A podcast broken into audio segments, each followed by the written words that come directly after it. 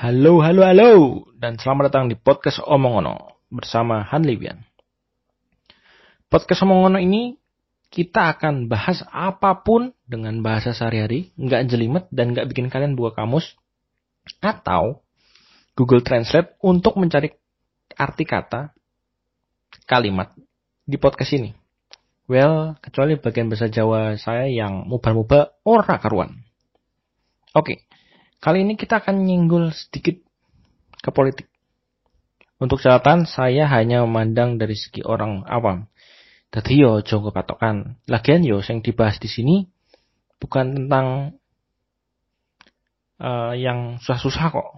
Maksudnya rajilipet jelimet lah istilahnya.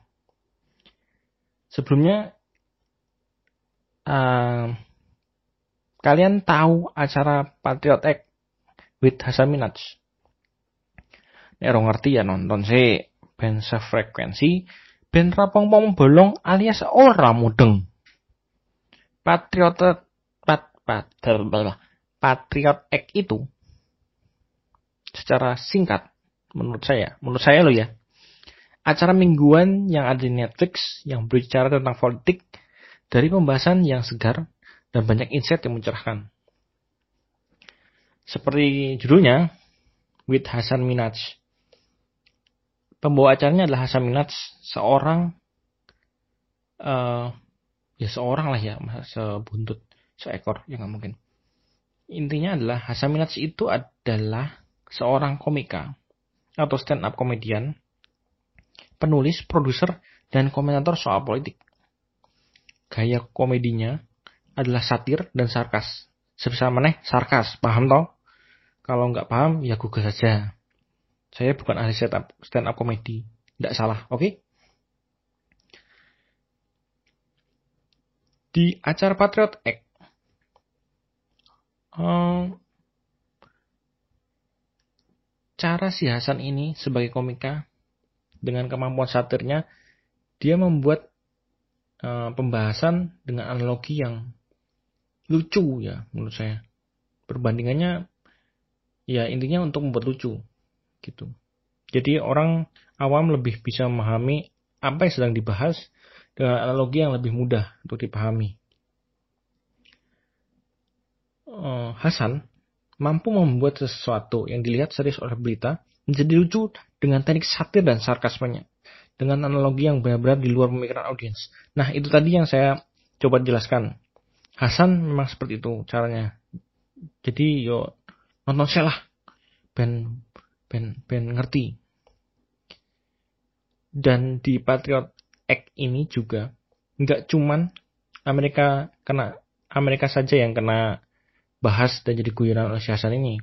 Tapi ada Arab Saudi, Brazil, India, Filipina, Cina dan banyak insight lain di luar pembahasan hmm, pembahasan politik luar negeri atau politik di negeri lain yang mencerahkan. Lanjut. Sebenarnya banyak sih yang menggunakan teknik sarkas itu ya. Menurut Google ada George, ada George Carlin, ada Chris Rock dan lain-lain. Tapi saya tapi yang saya benar-benar lihat dalam acara baru ya si Hasan ini. Sekali lagi saya bukan orang yang ngerti-ngerti banget tentang stand komedi dan pengetahuan saya juga terbatas tapi melihat Hasan ini uh, pembawanya yang sangat enjoy itu sangat mengena untuk pembahasan politik yang sebenar, se sepertinya serius sekali. Uh, bagaimana body language yang benar-benar memancing perhatian penonton supaya tidak berkedip? Si Hasan ini. Bahasamu Han tidak berkedip. Dan lanjut ke acaranya. Patriot Act baru ada di Oktober atau mulai kick off di Oktober 2018 sampai sudah masuk season 3 di detik podcast ini dibuat. Yang berarti diterima baik oleh dunia kecuali yang kesinggung otomatis ya. Patriot Act bisa sebegitu luasnya membahas kebijakan negara, kebijakan negara lain, kebijakan organisasi swasta dan pemerintah, perusahaan besar. Karena kebebasan berpendapat di Amerika begitu bebas. Bisa mana? Ini di Amerika ya. Ya iya, di Amerika. Walau di luar, uh, karena ini kan disiaran secara streaming ya, bukan streaming juga sih, berlangganan lah kayak TV kabel lah, bukan TV kabel juga. Uh, di luar negeri, di mana siaran uh, Netflix itu juga sampai ke sana, seperti di Saudi Arabia. Episode 2 di season 1 diminta dihilangkan karena menyinggung putra mahkota kerajaan Saudi Arabia. Di episode tersebut Hasan bilang kurang lebih ini. Tanda kutip, negara dengan dua kota terpenting bagi umat muslim di dunia merasa tersenggol oleh perkataan seorang muslim. Tanda kutip tutup. By the way, kalau terjemahnya salah, maaf ya, wong bahasa Inggrisku ambiar. Saya pakai kata tersenggol karena lebih mewakili. Dan buat kalian ketahui, Hasan itu muslim. Jadi masuk ya, Uh, jadi mungkin ya seperti aku nek nek nek aku mengkritik Vatikan ya meh mirip lah dan bisa tertebak episode itu seperti apa nasibnya hilang beneran hilang coba di zaman sebelum reformasi neng Indonesia ya orang mung episode nih sing hilang sak pembawa acara nih sak produsernya pelu hilang Untung baik, sekarang kemajuan teknologi sudah luar biasa. Rawono neng Netflix, tapi tetap ono neng YouTube. Dan untungnya, di Arab Saudi, YouTube bisa diakses. Selain tentang Arab Saudi, ada juga episode tentang censorship di Cina. Itian, rapanang bulu men, disasak kabeh. Seperti yang sudah kita ketahui, YouTube, WhatsApp, Google, Facebook, dan rekan-rekannya itu nggak ada di Cina. Ya intinya di Cina kan kebebasan berpendapat tidak sebebas di Indonesia. Nah kejadiannya adalah kejadian Tiananmen Square. Jadi acara acara tentang episode censorship di Cina ini tentang Tianan menyangkut tentang kejadian Tiananmen Square yang super heboh di tahun 1989 di mana protes besar-besaran yang dimotori oleh mahasiswa tentang kejadian seorang sekjen partai mengundurkan diri terus tiba-tiba mati karena dianggap liber. Buh mati nih dia pakai buh nggak ngerti. Ini dari penjelasan dari Wikipedia yo. Jadi kemungkinan salah cilik. Yo racili cilik banget sih, tapi tetap setidaknya itu disunting oleh banyak orang gitu loh. Dan yang dibahas oleh Hasan Minaj adalah kalau generasi sekarang ditanya kejadian tersebut, kejadian 1999 tersebut, nggak ada yang ngerti. Itian ra gue. Itian tenan Sejarah lu bagian dari sebuah negara. Kata Pak Soekarno, jas merah. Jangan sekali-sekali melupakan sejarah.